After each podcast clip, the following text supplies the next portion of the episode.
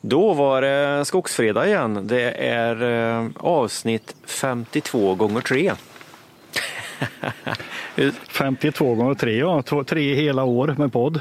Ja, 52 gånger 3 är 156. Så eftersom vi har 52 Ja. veckor på ett år och eh, vi poddar varje vecka. Om man tar det gånger 3 så får man 156 och det är alltså treårsjubileum kan man nästan säga då va? Det här avsnittet. Ja. Det kan man säga. Ja. Nästa fredag börjar vi vårt fjärde år. Då, då är väl, eh, rent kalendermässigt så blir det väl då det är treårsjubileum. Ja. Tre års poddande. Till vilken nytta? Ja, mycket skit det har blivit på...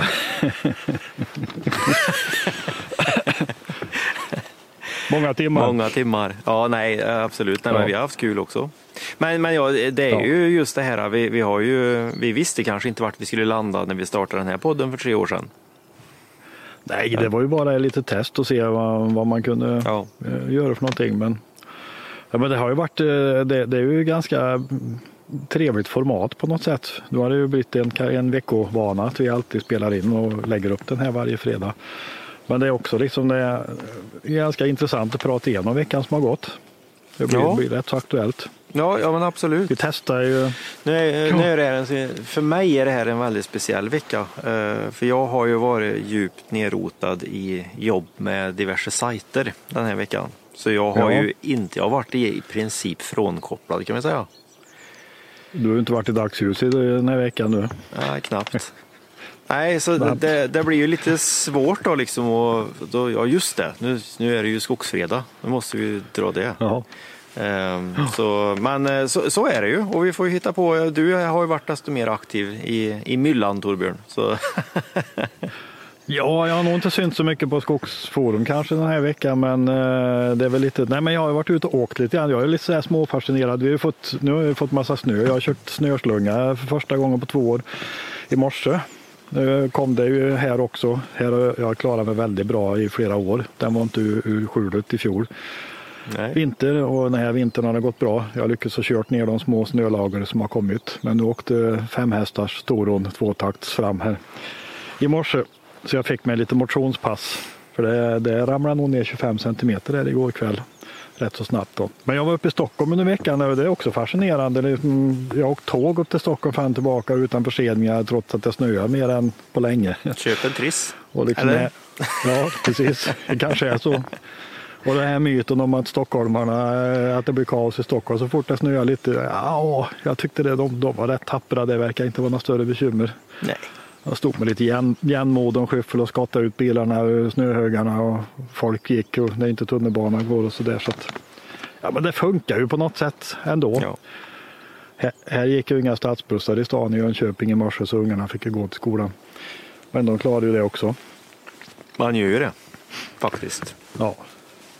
Men det är rätt bra. Det är rejäl vinter. Det är nog ganska bra drivningsförhållanden. Nu har det varit kallt hela veckan på nätterna i princip och Ja, ända ner i söder.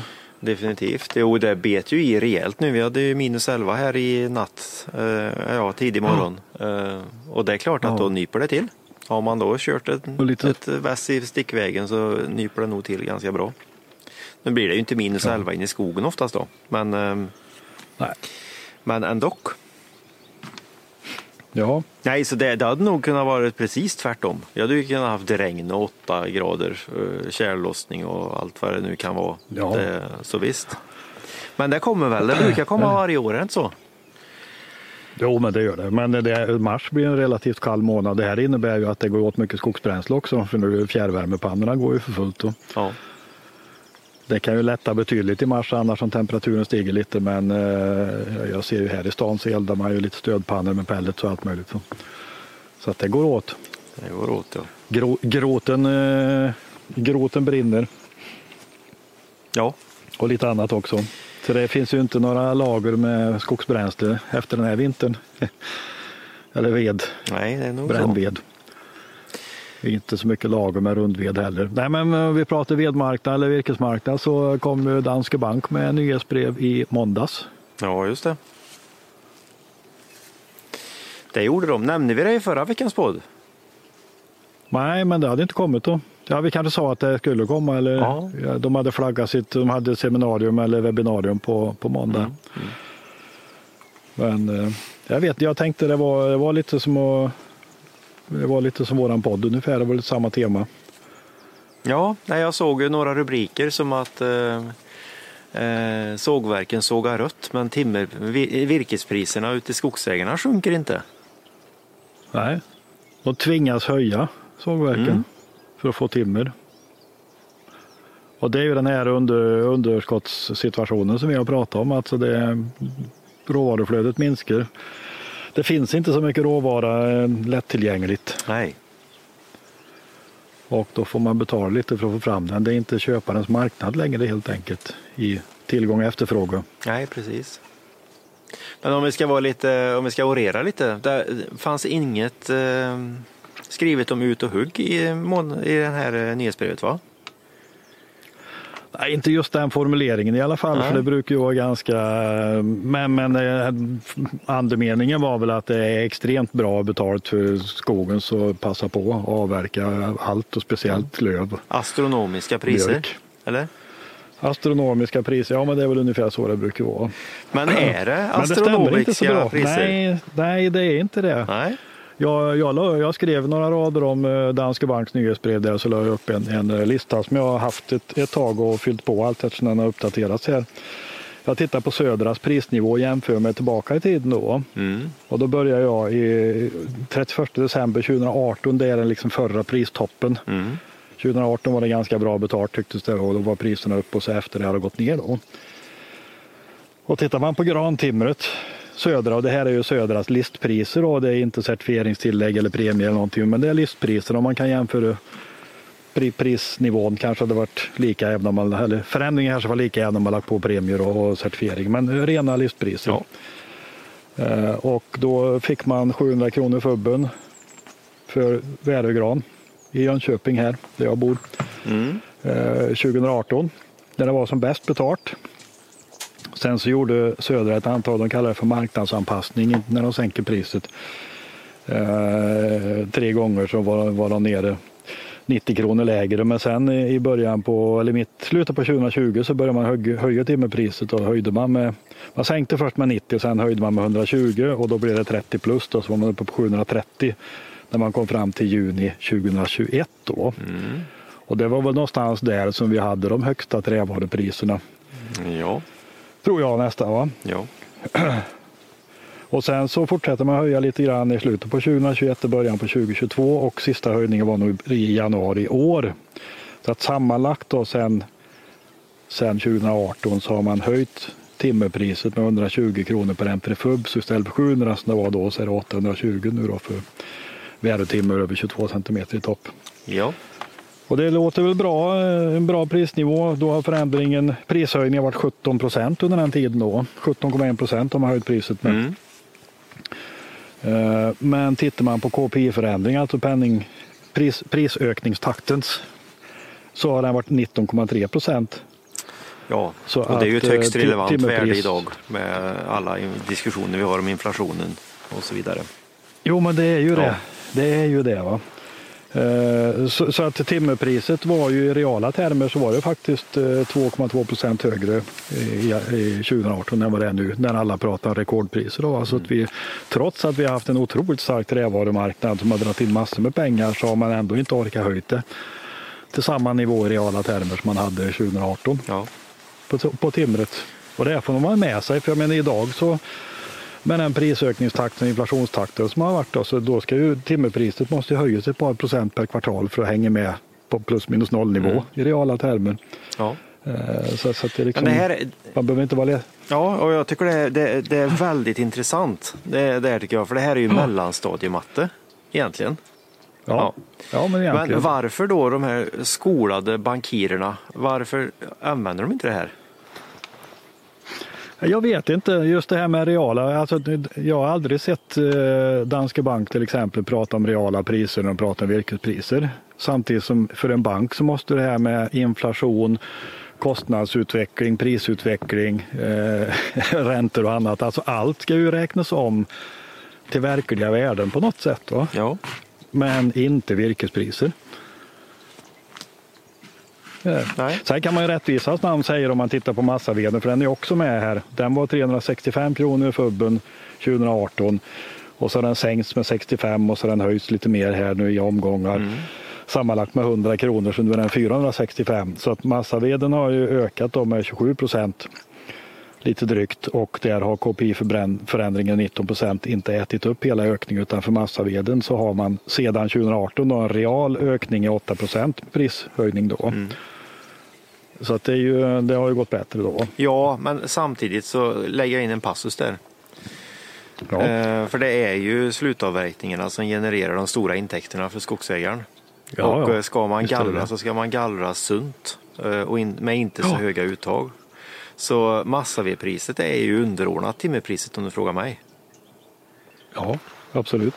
Jo, men det är ju, eh, nettot kommer ju från timmerpriset för, för de flesta skogsägare. Ja, för gör du en slutavverkning så har du tur så ska det ju vara över kanske 70 procent av det som faller ut ur avverkningen ska ju faktiskt vara timmer. Ja. Så det är ju den stora kakan och det är där som det är viktigt ja. att få upp priset. Ja. Definitivt. Ja, nej men uh, timmerpriset är inte så högt som folk tror. Nej, det är det inte. Och uh, jag uh, pratade med en, uh, en bekant här i morse som frågar lite om virkespriserna. Det är ofta sådana frågor man får. Och vi kom in och pratade på det här att just som Danske Bank skriver då att sågverken sågar rött, alltså de går back då just nu. Jaha. Inte alla säkert, men i alla fall några. Nej. Eh, trots att vi, eh, virkespriserna ute i skogsägarna inte har gått ner då. Och varför blir det så? Mm. Och jag tycker det är ganska intressant egentligen. Tycker inte du det? Ja. Jo, jag tycker det är intressant. Sen så tror jag man ska ta med en stor nypa salt det här med att de sågar rött. För att eh, visst, det är en del sågverk som varit nere på rött det sista kvartalet och sista kvartalet tvärdök priserna. Men eh, vi har ju sett en del förändringar både på Lumber och Nasdaq Eh, prisnivån som har stabiliserat sig på väg uppåt lite långsamt och även enligt Danske Banks nyhetsbrev så har det skett prishöjningar på trävaror nu att lagren hos kunderna är slut och priserna börjar gå upp då. Mm. För att tillgången har minskat. Tillgången minskar i Tyskland, tillgången minskar, produktionen minskar i Kanada på trävaror. Ryssvirke är helt borta och kommer inte ens eh, till de länderna som vill köpa heller i samma omfattning. Nej, precis. Så det är ju brist, det är underskott. Mm. Ja. Även om efterfrågan minskar. Ja, men vad ska man kunna ge för betyg till ett sågverk som sågar rött när man ändå inte är nere i, i den djupaste av gravar? Jag vet inte, det är ju, det är ju lite sorgligt för det är ju Alltså nu, nu kommer vi tillbaka till Södra, men de gick ut med pressinformation den här veckan om att de har gjort en enkät bland, eh, ja, bland allmänheten i Sverige om om de tycker det är bra eller dåligt om man bygger med, med miljövänligt byggande, underförstått trä. Då. Ja. Och det tycker alla är jättebra och, och ställer man frågorna på rätt sätt så tycker alla att kommuner borde bygga mer i trä och man borde staten borde stimulera träbyggande eller miljövänligt byggande och så vidare. Mm. Så, så, att eh, Södra lobbar ju för någon slags svensk träbyggnadsprogram och att staten ska vara med och driva och styra för att man ska få, få mer byggande. Men jag tänker att det är ju rätt mycket upp till företagen att ta fram produkter, utveckla produkter, sälja produkter, tillverka och sälja produkter som marknaden vill ha. Ja. Och det finns ett jättestort intresse för träbyggande. Ja, visst är det så. Men jag tror att de får inte fram de produkterna i samma omfattning. Alltså KL-trä är det jättestor efterfrågan på. Det är jättemånga som vill bygga hus i massivträplattor och limträ och så vidare. Men jag tror att de har svårt att få fram material. Ja, definitivt. Jag såg ett exempel nu. Det finns ett tyskt företag som är ganska offensivt som heter Binderholz som är ett familjeföretag. Jag tror vi har nämnt dem förut. De, är, de har köpt sågverk i Finland. De, har, de är från Österrike egentligen tror jag. Så har de köpt sågverk i Tyskland. Mm. De, de, eh, har byggt eller levererat KL-trä och limträ till ett parkeringshus i Malmö. 4800 kubikmeter trä mm. öster, från Österrike till Malmö. Ja. Mitt framför näsan på svensk träindustri. Ja, ja, visst, visst. För att den svenska träindustrin kan inte leverera. Nej, visst är det så. Den typen av produkter. Ja. Nej, men eh, för det, om vi pratar betyg så det här har vi varit, varit inne på ganska många gånger. Men eh, det finns ju utvecklingspotential på slutprodukterna som kommer från, såg, ja, från sågverken i princip kan man ju säga. Då. Ja, det finns absolut. en enorm utvecklingspotential där och vart är liksom eh, vart finns idésprutorna? Vart finns eh, sajterna att gå in på och, och leta, hitta in, nya saker? Investeringspengarna och, och annat. Ja. Då. Men tittar du på sågverken som eh, ska investera, de har ju mycket pengar i kassakistan nu, så, så är det ju liksom traditionell sågverksproduktion och flaskhalsar i, i det flödet. Ja. De ska bort då för att kunna producera mer. Man, man har liksom lagt all utveckling på produktionsledet och inte på försäljnings och produktledet. Trimma och optimera kostnaderna hela vägen så mycket man kan och vara jätteeffektiva. Mm. Men man måste liksom få upp priset på slutprodukterna och bli mer konkurrenskraftiga. Det, det är väl det. Ja. det, är det man skulle önska. För det, det, är ju givet så att det måste kunna gå att hitta eh, coola tillämpningssätt för svenskt trä i, i, ja. i byggnader. Ja, byggnad, inredning och annat och det används ju mycket svenskt. Man, man skulle försöka liksom få fram produkter som man kan ta bra betalt för. Ja. Definitivt. Produkter som folk vill ha och är beredda att betala för. Ja, absolut. Det är bara frågan hur vi kommer dit då. Ja. Ibland måste det, man måste det göra ont för att man ska för att man ska satsa på utveckling. Men äh, vi får väl se. Men man kunde ju hoppas att man skulle se lite mer av vidareförädlingsanläggningar. Varför inte limträfabrik till i Götaland? Det finns bara en eh, här i Götaland som Moälven har i Töreboda. Ja. Och har du, vem gör mer? Setra gör limträ Och uh, Martinsson. Mm.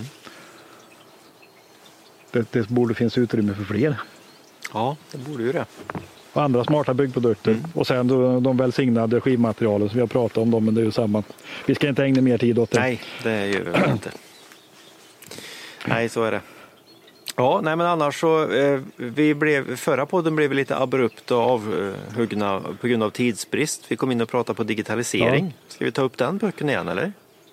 Ja, den är intressant. Ja. Absolut jag tycker, och det, den kontexten vi tog i det då, nu har inte det pappret med mig, men eh, det var väl att vi, var det Skogsstyrelsen som hade äskat pengar va?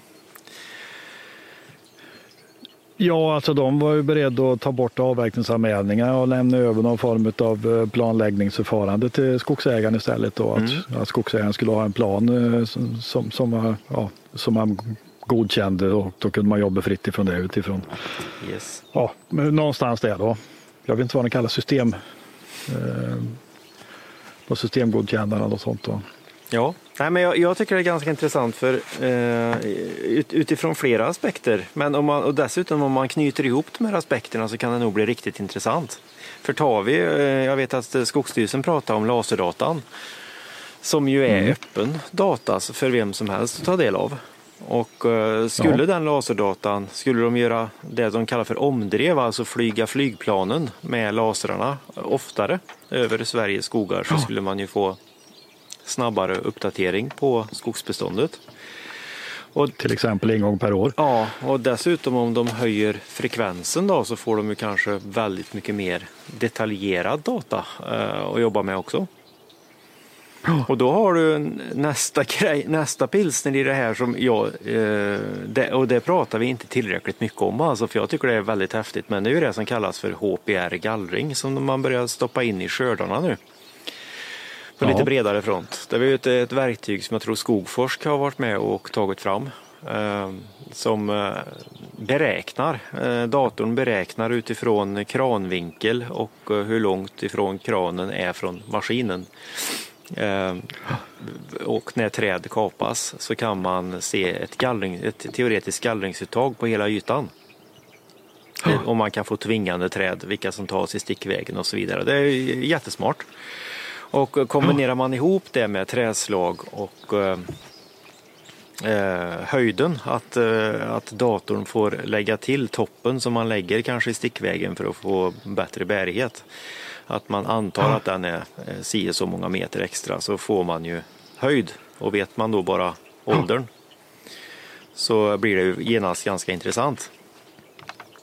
Ja. Men, och, och det, där är, det där är häftigt. Det, jag tror stenhårt på att HPR gallring just för gallring kommer vara jättebra. Men det som jag tror stenhårt på också det är ju att HPR kommer in i slutavverkningsskördarna. Mm. För där får du ju då ganska så häftiga data utifrån det som avverkas också. Så är bara skördarföraren noga med att, eh, att eh, det blir rätt träslag som tall och gran och löv och sådär. Så kan ju HPL räkna fram nästintill eh, bonitetssiffror. Och det har vi pratat ja, om tidigare. Per kvadratmeter nästan. Ja, och vi har pratat om det tidigare. För jag tror att i teorin så skulle det kunna vara så att en plantskola skulle kunna ta HPR-filen och sen så packa en Eh, en eller flera pallar med planter till det här unika hygget och sen så en karta vart de ska sitta för att det ska bli bäst eh, tillväxt. Att man kan se liksom att ja. på en liten högre höjd så blev det, var det en tall där som blev jättebra. Den blev grov, den blev lång, den var smal och den gav mycket timmer. Ja, men då ska det nog sitta en tall där igen. Och så vidare. Precisionsodling. Ja. Men jag tror att det är, jag tror att HPR ihop med laserdata kan nog också skapa, jag tror man skulle kunna mesha ihop den datan och kunna få ut nära på en optimal skogsbruksplan utan att ha satt sin fot i skogen. Ja, ja men det finns fantastiska möjligheter att göra det. Mm. Och, och, eh, de här som jobbar med olika system har, har ju, när man jobbar med de som jobbar med öppna systemen, försöker liksom att få möjligheter att kunna köra ihop data från olika källor då. Att, att man kan ta sin skogsbruksplan som man kanske fått någon annanstans ifrån och mata in i ett annat verktyg. Mm. Och sen kanske ajourhåller det på, på olika sätt med hjälp av laserdata och med hjälp av aktiviteter. Då. Ja. Men det, det, den stora frågan som kommer att vara intressant är liksom vem ska göra skogsbruksplanen. För om skogsbruksplanen blir något annat än det vanliga ja, åtgärdsplanen och, och inventarieförrådet i princip. Då. Mm. Eh, för det de tittar på nu till exempel, det är liksom att ta med kolbalansen. Det var ju Skogsstyrelsen också inne på det här med att, att eh, taxonomi eh, kräver någon form av plan. Då, Ja, ja ja men, eh, absolut. Visst är det så. Och då räknar man ju om sin tillväxt och sitt virkesförråd till någon slags kolbalans och gör en, en plan för det också. Ja. Och då har man ju plötsligt ett ganska skarpt verktyg där man kan sälja sin eventuella kollagring då. Mm. I princip. Ja. Man har ett dokument, en dokumentation som inte man har haft förut. Ja. Och, och, och, vem ska göra de här planerna? Vem, vem vill liksom, nej, hur länge dröjer det innan virkesköparen säger vi gör din plan, det kostar dig noll kronor? Nej, nästan så du får betalt skulle jag tippa på. Ja, får vi göra din plan. Du får tusen, tusen kronor hektaret. Vi lägger på en tia på groten i avverkning. Ja. ja. Nej, men det, det är ett dynamiskt område. Det kommer att hända mycket och det är ganska många aktörer som jobbar med lite olika lösningar. En del eh, som kanske jobbar med liknande, liknande projekt. Men, men eh, tillsammans är hela det här liksom det, det, är rätt stor förändring som är på gång. Ja, men jag tror det definitivt. Och eh, det kommer ju koka ner till precis det du säger. Det är ju vem kommer äga datan? Ja. Ehm, och laserdatan den är nog ganska given för det, det är ju liksom, eh, den är öppen, kommer från, eh, den är statlig data. den är ja. ganska rigid när det gäller det. Men om, om vi pratar HPR så blir, då blir det genast eh, flera elefanter i flera rum tror jag över vem som äger det. En hel cirkus. Ja, det kan nog bli en hel cirkus, en hel del snablar där skulle jag tro. För det där är ja. superviktig data eh, som, ja. som kommer ur de här skördardatorerna. Och det, jag menar, ta, ta, ta det vidare. Jag menar, de, säkert har Skogfors redan tittat på det, men, men säg att man har en... Några av stockarna tar man kort på ändytan på och matar in i HPR. Mm. Och så har du en eh, föreslagen ålder direkt där. Ja. Då är du hemma vet du. Ja, precis. Då är man hemma sen. Nej, men jag tror att det, det här är ju, och det, det, finns ju två, två vägar att gå. Den ena vägen är liksom att uh, olika aktörer försöker att låsa in så mycket som möjligt så man har kontroll. Och den andra vägen är att öppna upp det och göra det så lättillgängligt som möjligt. Ja. Och då tror jag att det handlar inte bara om att eh, man ska komma åt sin data som skogsägare, utan det handlar framför allt om att man ska förstå sin data. Alltså den som kan göra planerna på ett sånt bra och överblickbart sätt så att man, så man har lätt att förstå hur det funkar. Mm. För det är inte så himla enkelt om inte du har, har någon utbildning i skog eller jobbat med det. Att sätta dig in i allting som har med skogsbruksplan att göra. Och, och titta på virkesaffärer och kubikmetrar och tillväxter och annat. Det kan vara ganska utmanande för, ja. för många skogsägare. Jo, jo, definitivt. Eh, så är det.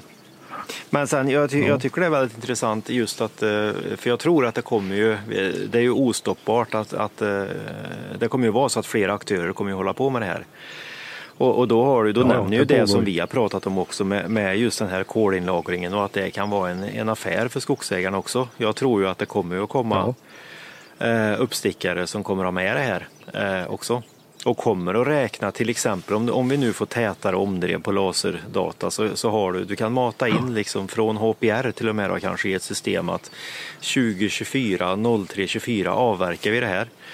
Och sen så då har du en startpunkt och sen så kommer det planterar det och sen så får du laserdata, du får omskanningar och sen så ser du då eh, utvecklingen på eh, beståndet och eh, skulle mm. det då utveckla sig mer väl än vad ett standardsnitt var, säg 2005 ja. eller någonting sånt där. Ja. Då är du berättigad att bara hämta, hova in eh, kolsänkepengar där.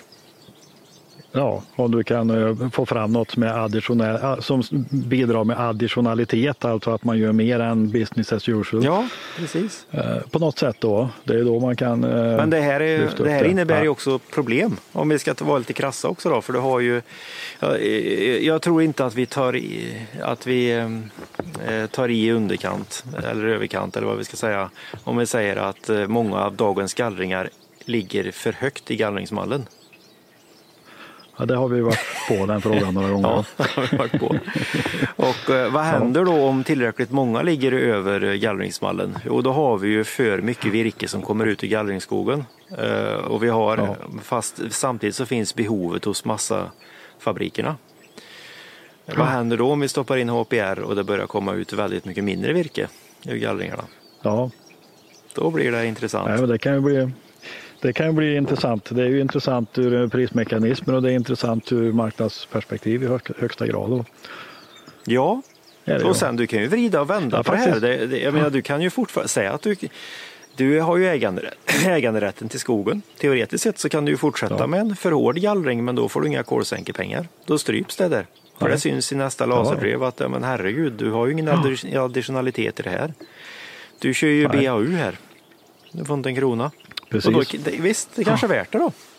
Jag säger inte att det är fel. Nej, men jag, nej, nej, jag pratade med en, eh, en, en eh, kille här som gör, gör inventeringsarbeten, gallringar. Och uh, han uh, åt en aktör, inte den största aktören här nere utan en annan, en annan större aktör. Han säger att eh, det verkar som att gallringsuttagen har minskat senare år och att för dem, och de, de, han tror och har diskuterat med folk att det kan bero på HPR-gallring, att man har bättre koll på vad man tar ut. Ja. Eh, för det är tydligen använt lite bredare idag då på, hos vissa aktörer i alla fall. Ja. Så det är ju, eh, kom ihåg det, ska ni ha gallrat så fråga efter HPR-gallring för att få hjälp att hålla gallringsuttagen utifrån vad ni kom överens om. Absolut, och be att få en rapport sen. Jättebra. Och kan du inte läsa rapporten, ja. ladda upp den på, en tråd på Skogsforum så kommer du garanterat att få hjälp. Om, inte av mig och Torbjörn så garanterat någon annan som är minst lika kunnig. Det finns mycket, mycket kunskap ja. där. Och när vi pratar Skogsforum ja, nej, här... så kan vi även vi får passa på att nämna det, för det, det var en ganska intressant tråd där eh, som kan vara intressant för våra lyssnare också. Det var ju aktuella ja. räntor på skogslån har ju tagit ja, fart. Ja, precis. Den är ju högintressant. Det är jätteintressant. Ja, och högaktuellt. Ja, definitivt. Vad, vad snittar ju, en äh, rörlig ränta på nu, Torbjörn? Ja, du får nog upp på, om du lånar till skog så är det över 4 procent gissar jag. Eh, de som lägger om sina lån idag. Ja, det var... Stibor 1 procent eller något sånt där. Jag tror det var någon som hade förhandla, börjat förhandla och skrivit tråden att han var nere i 3,4. Jag kan ha fel där. Ja, Ja, nej men det finns, eh, det finns ett jättestort förhandlingsutrymme och det finns just alla skäl i världen. Precis när man säljer virke så finns det alla skäl i världen att se, se över affären, konkurrensutsätta det. Mm. Och eh, ja, ta inte första bästa bud utan eh, det går att byta bank och bara vetskapen hos din bank om att du tittar på andra banker gör att det går säkert att få ner några mm. tiotals punkter kanske. Så att, och med det så får vi det, börja det får ni gärna gå in om.